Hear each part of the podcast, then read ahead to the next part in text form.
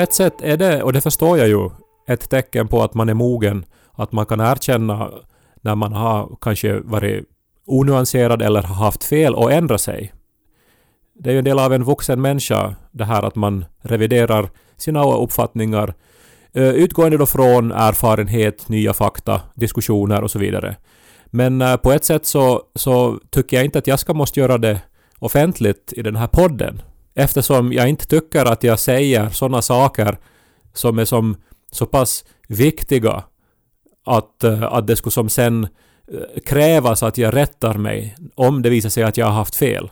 Här är ju så många exempel nu jag kommer på så att, att det är ju jättespännande att höra, höra vad det är du pratar Förlåt om. nu, alltså menar du exempel på tillfällen när jag borde ha rätt att, eller ja, borde ha sagt? Ja, alltså som många, det är ju nästan jag menar vi har ju gjort över 300 poddar och det är ju nästan två gånger i varje avsnitt nu som det kommer något uttalande som som kan tas väldigt hårt av, av vissa. Du får gärna komma med exempel tycker jag eftersom eh, det där är ju väldigt populistiskt att säga så här att alla vet ju. Jaha. Och sen så, så kan det ju mera handla om att, det, att du har uppfattat någonting. Uh, som jag har sagt. Kanske så här mellan dig och mig så hade det ju kanske varit mest det här liksom att fantasy eh, inte kan ställas lika högt som annan skönlitteratur. Men herregud, det där är ju, eh, vad är det nu, sju år gammal diskussion som oh. vi har återkommit till av obegriplig anledning i den här podden. Jag har tydligt förklarat min ståndpunkt där. Mm. Och det finns absolut ingenting kontroversiellt med min ståndpunkt. Den är ju solklar. Okej, okay. det här att, att använda hundar som motiv så omöjliggör att någonting kan klassificeras som konst. Ännu ett 20 år gammalt exempel.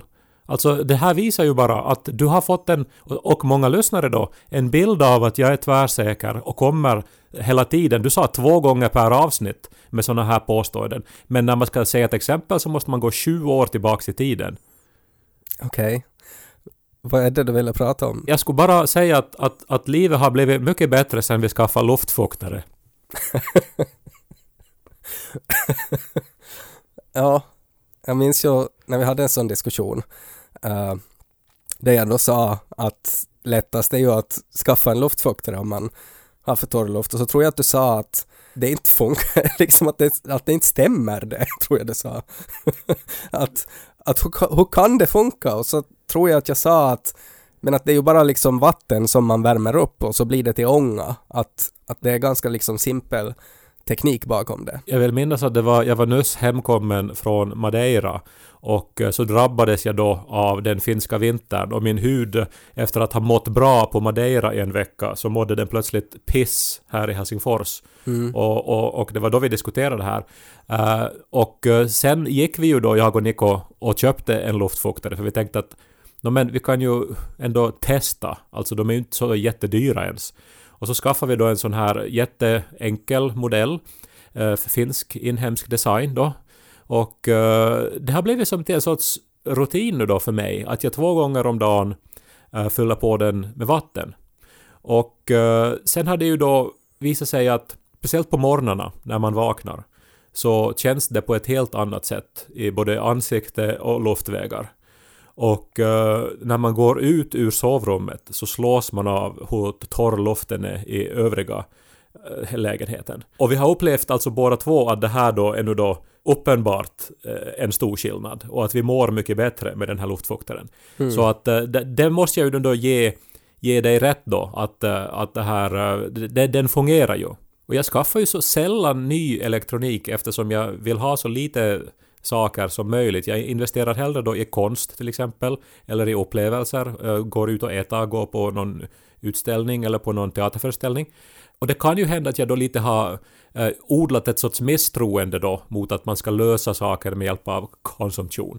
Men det här var alltså sällsynt effektivt. Men det som jag skulle säga, som jag skulle komma till och som jag redan tangerade var att det som har varit bäst med luftfuktaren Eh, är just den här rutinen som jag nämnde. Att jag två gånger om dagen eh, hämtar vatten från köket i en sån här skål och så bär jag det då till sovrummet där jag försiktigt fyller på den här behållaren då. Och jag vet inte, men jag, jag har börjat som skapa en sån här fantasivärld kring det här också.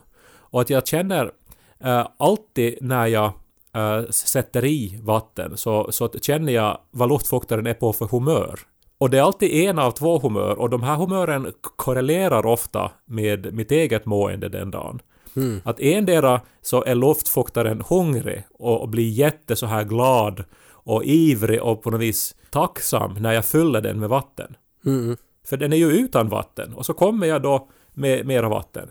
Det andra humöret är då att luftfuktaren har jobbat häcken av sig och så när den äntligen är färdig, att nu, nu har den äntligen gjort sig av med det här sitt jobb, alltså vattnet, eh, så, så då kommer jag med mera. Att den får aldrig ro. Den blir aldrig klar. Ja, och att den då förstås då, eftersom det är jag som, som ger den arbete, så riktar den då sitt hat mot mig. Mm. Och, men ändå, Eh, så även om jag då eh, ofta får eh, dess hat riktat mot mig, men också då ibland dess glädje och tacksamhet.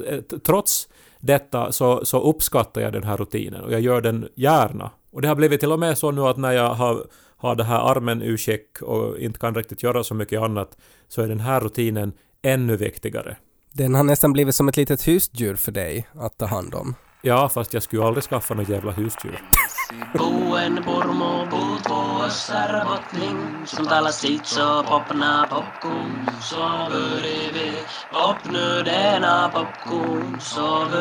Vi vi lys på Ted och Jag har inte provat att använda luftfuktaren ännu. Eh, men det var jättebra att du tog upp det för att det betyder att jag skulle kunna använda luftfuktaren i natt. För att jag har corona och jag har inte provat ännu om en luftfuktare skulle göra det lättare att vara. du tänker så här att eh, Mika Salminen och THL har liksom uh, slitit sitt hår nu i två år för att försöka lösa situationen med covid-19. Och hela tiden så har lösningen funnits i närmaste elektronikaffär till ett billigt pris. Ja, men det, skulle, det känns alltså luftfuktare och just kanske de här klassiska som har den här inhemska designen. Det känns som att de kommer att ha, de kommer att spela en viktig roll någon gång i framtiden. Alltså att sen när aliensen kommer så då kan det hända att det är luftfuktarna som på något sätt är det som behövs för att uh, klara av det. Men mest så tror jag att det handlar om att, att jag har associerat luftfuktare också till när jag var sjuk när jag var liten och då tog man fram luftfuktaren och då blev det alltid sådär att okej, okay, men nu blir jag frisk för att nu har jag luftfuktaren. Uh, och jag tror att det är något sånt jag skulle behöva. Vi har haft, alltså vi har hela familjen corona, vi har haft väldigt lindriga symptom. Det har egentligen bara varit som en, en, en liksom vanlig flunsa. Men att det, det är det här mentala, det är det här psykologiska som jag kanske har svårast med. Alltså att man känner sig, jag, jag känner mig som en, alltså som en Nosferatu. Alltså att någon som är liksom oren. Alltså en sån här vampyr som, som skyggar undan solen och andra människor för att jag sprider en smitta. Uh, och det är kanske det som jag har haft svårast med att, att, att, att hur, hur, hur blev det så här att jag är en smittohärd? Och det så tänker jag kanske att, att luftfuktaren skulle kunna vara ett psykologiskt stöd för. Eh, intressant det. Det är ju väldigt eh, så här eh, bibliskt och det här, alltså historiskt väl också, alltså att, att de som var sjuka skambelades då för att de var orena och de skulle som då hålla sig undan. Förstås så fanns ju där en hälsoaspekt också, att eh, man förstod väl inte så mycket om bakterier och virus, men man hade väl en erfarenhet att om man rörde sig bland de sjuka så blev man sjuk. Eh, men det var ju mycket så här via skam då som de drevs bort. Och du upplever ju nu då alltså den skammen. Det är intressant ändå, 2022. Är det någonting biologiskt till och med? No, det kan nog hända att det är någonting biologiskt, alltså att man, man, när man är sjuk så på något sätt finns det ändå någonting inbyggt i en som får en att, att dra sig undan. Uh, alltså för att rent evolutionärt så, så borde det vara bra det, alltså att om du är sjuk så drar du dig undan och då eh, smittar du inte lika mycket. Jag tror att det förekommer bland vissa djur, alltså just att både, både hundar och katter reagerar väl när de blir sjuka, alltså att de, de får och gömmer sig. Gömmer de sig för att resten av flocken inte ska upptäcka att de är sjuka? För att om de blir upptäckta så kan de bli utfrysta. Ja, det är säkert också en, en aspekt av det. Och att man inte ska, man ska inte visa svaghet för då kanske man förlorar sin eh, position i hierarkin. Jag tänkte på det här också när jag ramlade i skidbacken för två och en halv vecka sedan och då bröt nyckelbenet att eh, eh, alla andra tider utom den tid vi lever i och kanske då 1900-talet eh, Eh, så skulle ju min arm för resten av livet nu då ha varit trasig. Och den skulle säkert ha läkt på något sätt men dess fulla funktion skulle ju aldrig ha återställts. Och jag skulle säkert ha haft då ett ben som sticker ut ur axeln. Och eh, överlevt men ändå varit märkt av det här. Så att det var liksom ett enda misstag så vi är liksom fakt och skulle flocken ha upptäckt det då så, så, så skulle jag då säkert, eh, för jag antar att jag skulle ha haft någon sorts ledarposition i flocken eh, med min fysik och min intelligens. Eh, men jag skulle säkert ha blivit degraderad. Mm. Du skulle ha liksom över, över en natt så skulle du ha blivit en sorts skallepär från att ha varit liksom hövding. Så Skalle-Per var egentligen Volodymyr Zelensky och sen var han och skida och ramla. ja, Och sen så finns det då en rak linje då till Skalle-Per. ja, men precis så är det. Och då, hamnar, då handlar det om att man måste uppfinna sig själv på nytt. Alltså man måste hitta sin, sin nya position i hierarkin. Ja, men, ja, men, men, men jag måste ännu, alltså, och, och, och jag vill inte avbryta det här, men jag är jättelättad att prata med dig. Uh, för jag hörde ju då för ett par dagar sedan att uh, ni hade då corona och då hade du ändå inte testat positivt, du.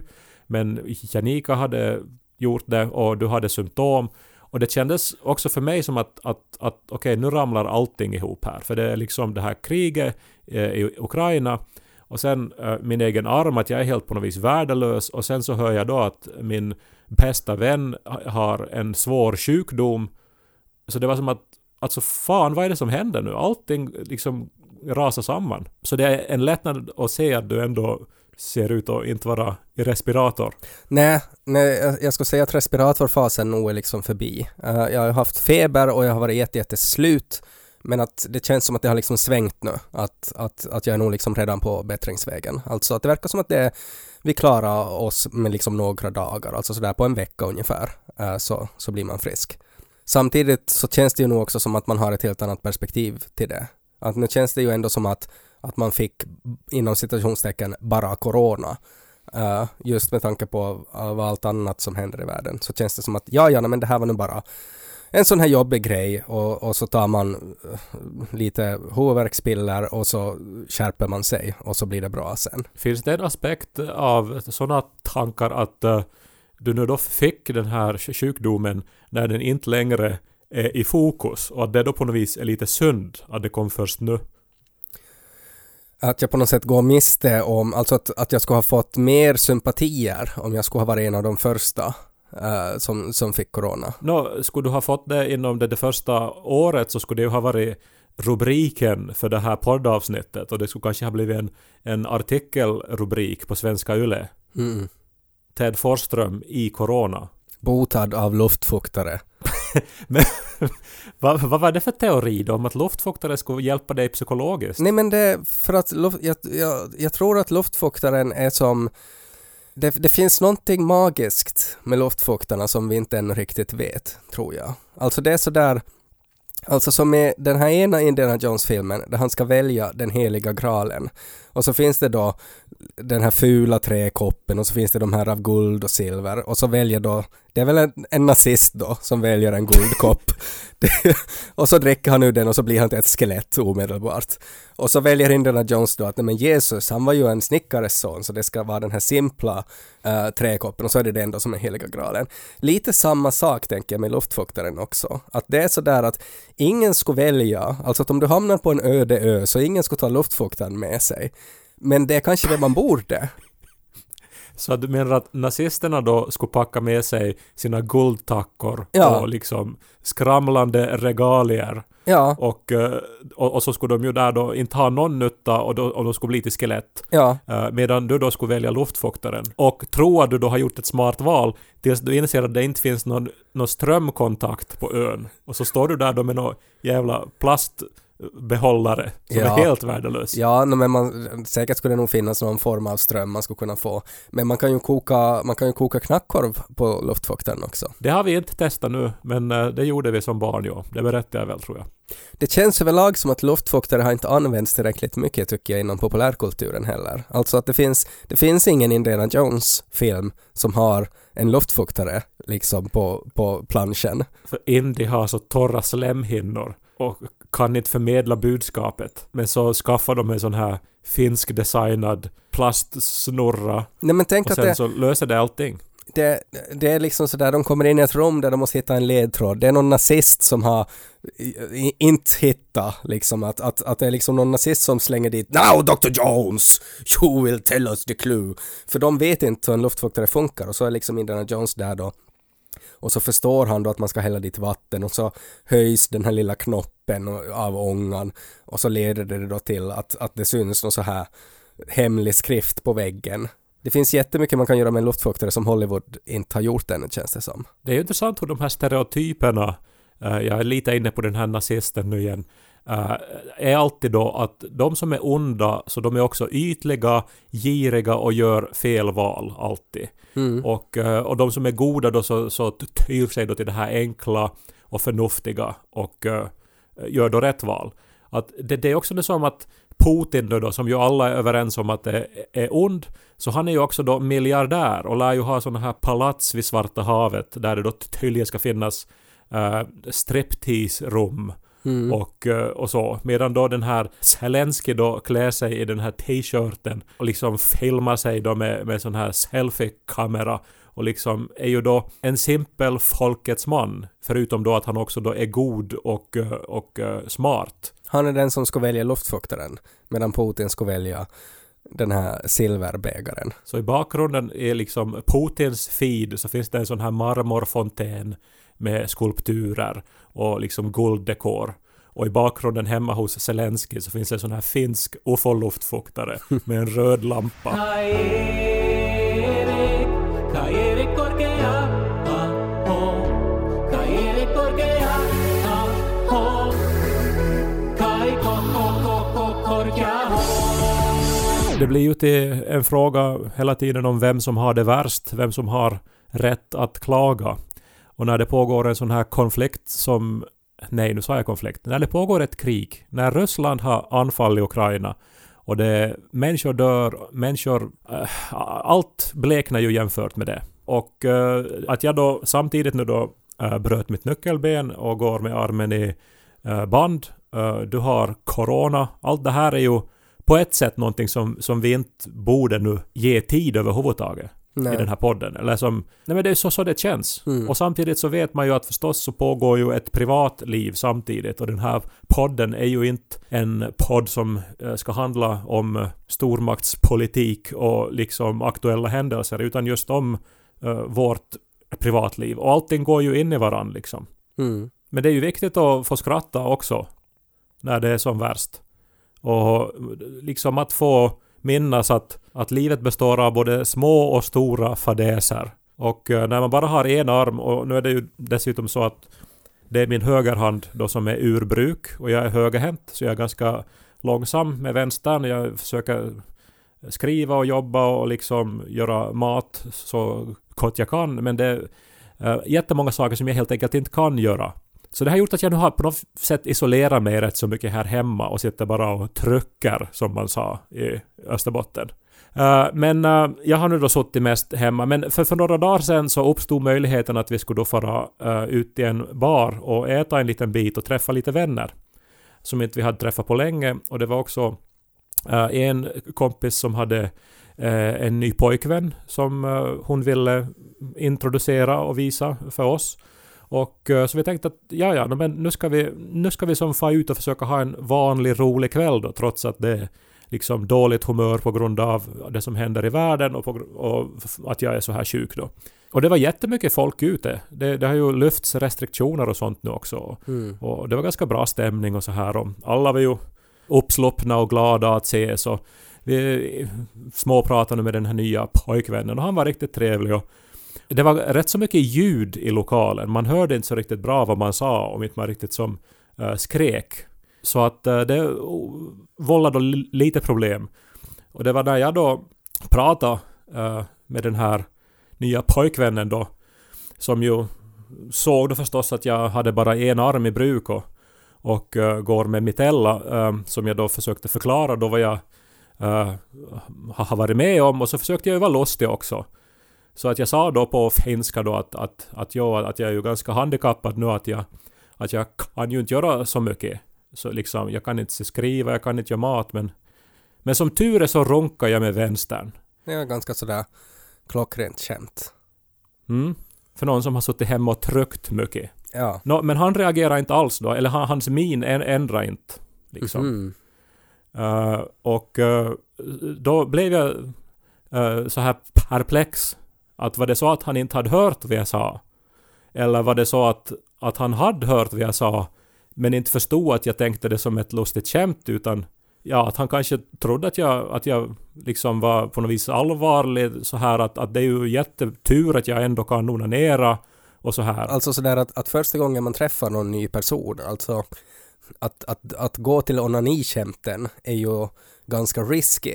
Alltså sådär att det ändå kräver en viss förståelse och en viss kännedom om de här människorna. Så att ju, just det där, alltså att man ska förstå att man skämtar och att man på riktigt inte pratar om att man bera. Ja, men nu så hans flickvän då, vår kompis, hade rätt så vitt och brett pratat om, sin, eh, om sitt könsorgan där ett tag innan. Mm. Eh, Så att, eh, för att hon- är sån så här att hon är också väldigt frispråkig och, och har en sån humor och det var som en Mm. sån stämning vid Ja. bordet liksom. Ja, Så jag antog att det här inte var liksom eh, den här ryska uh, ortodox-biskopen som hon var tillsammans med. nej, En jävel för övrigt får man väl säga. Eh, Ja. Men det, kan vi, det, det, det, är ett annan, det är en annan sak. mm. Men, men, men så, nåja, det, det blev en sån här märklig mä- alltså osäkerhet i mig då, att, att, alltså hans reaktion och, och så här och sen så gick samtalet vidare då och så kom det väl in någon mat och och, och, och sen liksom så glömde jag väl det, men sen när vi var utanför och på, på, på väg hem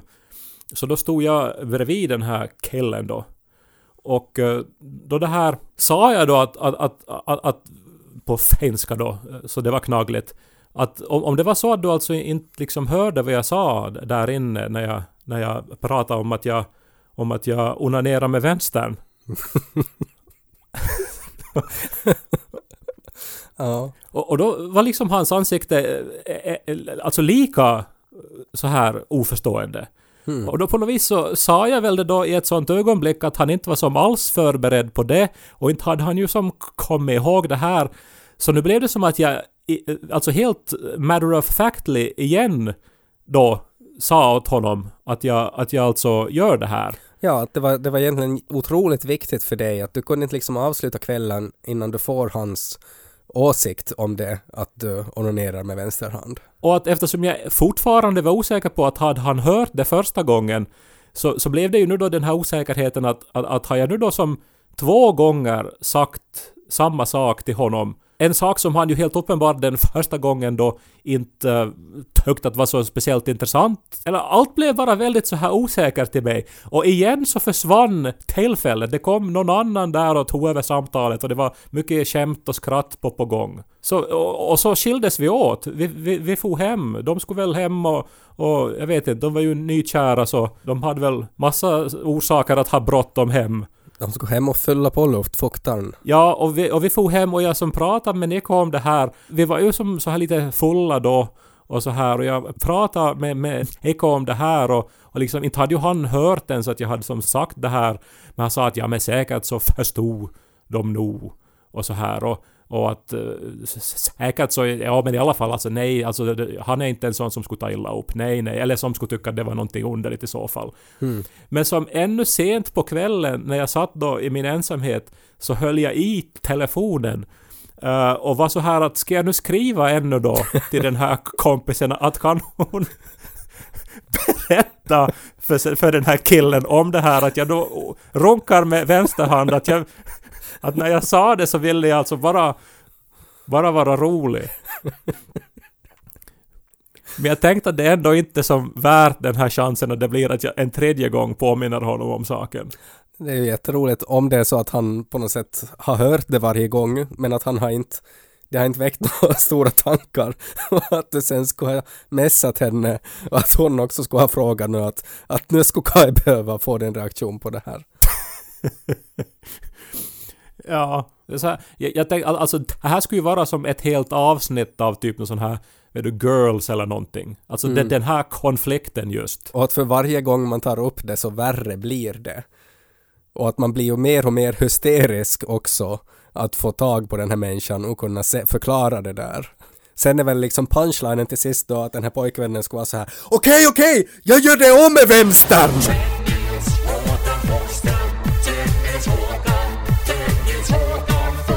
Idag var luftfuktaren tacksam på morgonen då. Uh, hade jobbat hårt under natten och, och var säkert hungrig. För när jag hällde i vatten så var det en sån här... eh, Alltså helt uppenbart i det här ljudet av porlet så fanns där en tacksamhet. Mm. Och det tar jag som ett gott tecken på morgonen. Och det motsvarar också kanske min energi idag. Att trots att jag har varit mestadels vettskrämd och eh, haft smärta och varit orolig för dig nu också. Eh, så känner jag idag en sorts optimism. Och det har väl att göra säkert mycket med att det är vår ute också. Mm. Solen. Ja, det har jag reagerat på också att när jag har varit som Nosferatu eh, och bara fört ut roskisen för att få lite frisk luft. eh, så även om, om mitt inre verkligen inte har varit vår så känner man ju nog på sig att det finns i luften. Nosferatu skulle ju inte kunna föra ut roskisen. För Nosferatu klarar ju inte av dagsljus överhuvudtaget. Nej, nej men jag tänker att för varje steg så, så känns det ju som att han skulle brinna. Och, och så har det ju varit lite. Men att, jag menar, till och med en vampyr måste ju nog förstå att roskisen måste föras ut. Men vad har de ens för rosk? Inte har de ju som så här hushållsavfall inte. De dricker ju blod och så vidare. Eller är det som kroppsdelar då som de för ut? Nej, jag tänker elektronik, alltså sådär, jag menar, allt sånt tar de ju ändå del av och nu blir det ju en hel del paff och Sturox och sånt där som ändå måste föras ut. Sån här jättemycket bubbelplast och såna här stora förpackningar då från, från Wish och Amazon. Ja, Men ljuset är ganska starkt just nu där ute.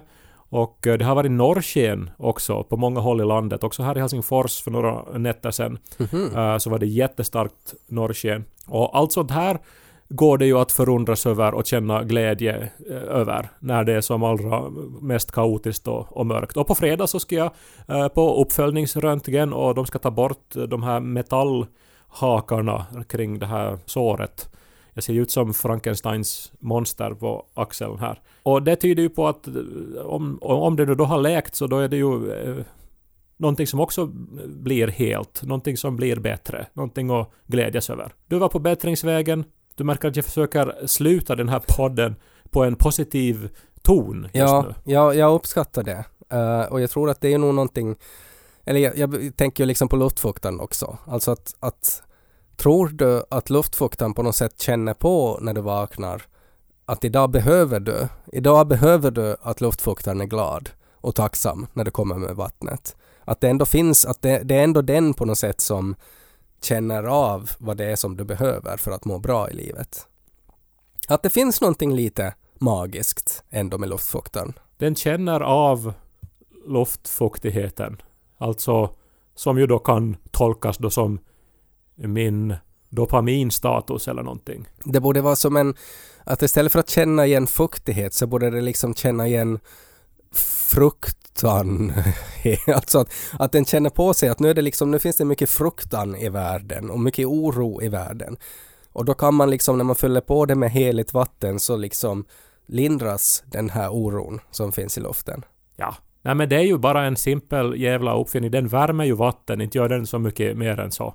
Ibland är det bara vatten man behöver. Det är kanske det mest medelålders jag någonsin har sagt. Ja, men det är ju så. Alltså, många gånger så är det ju att eh, är, det, är du på jättedåligt humör? Ja, men har du druckit något idag? Eh, har du otrolig huvudvärk? Ja, men har du druckit något idag? Har du sovit dåligt? Har du dålig mage?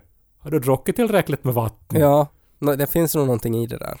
Då du har suttit hem och tryckt. Summa summarum, skaffa luftfuktare och drick mera vatten. Bryt inte nyckelbenet, få inte corona. Och snart är det vår. Kom ihåg att jag använder vänstern.